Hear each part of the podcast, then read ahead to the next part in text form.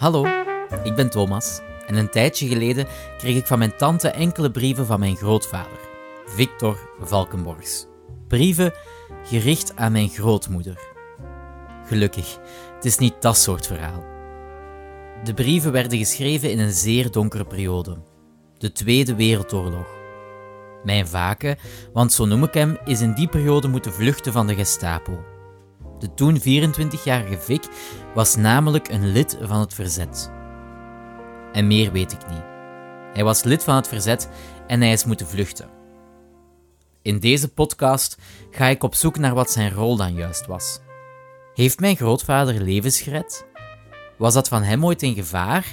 En was mijn grootvader eigenlijk een held?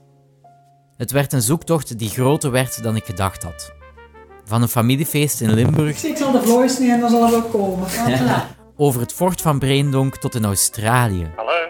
Een zoektocht met veel spanning. staat niks aan de bel. Het je een keer aanbellen? Maar ik? Ja, doe maar. Ja. Ontroering, Dat is zo belachelijk dat ik hier nu al emotioneel word. maar met vooral veel familieliefde. Dus ik ben eigenlijk wel echt heel trots na vandaag. Ik ben eigenlijk echt heel blij dat hij, dat hij mijn grootvader was. Voor de eerste brief neem ik je graag mee.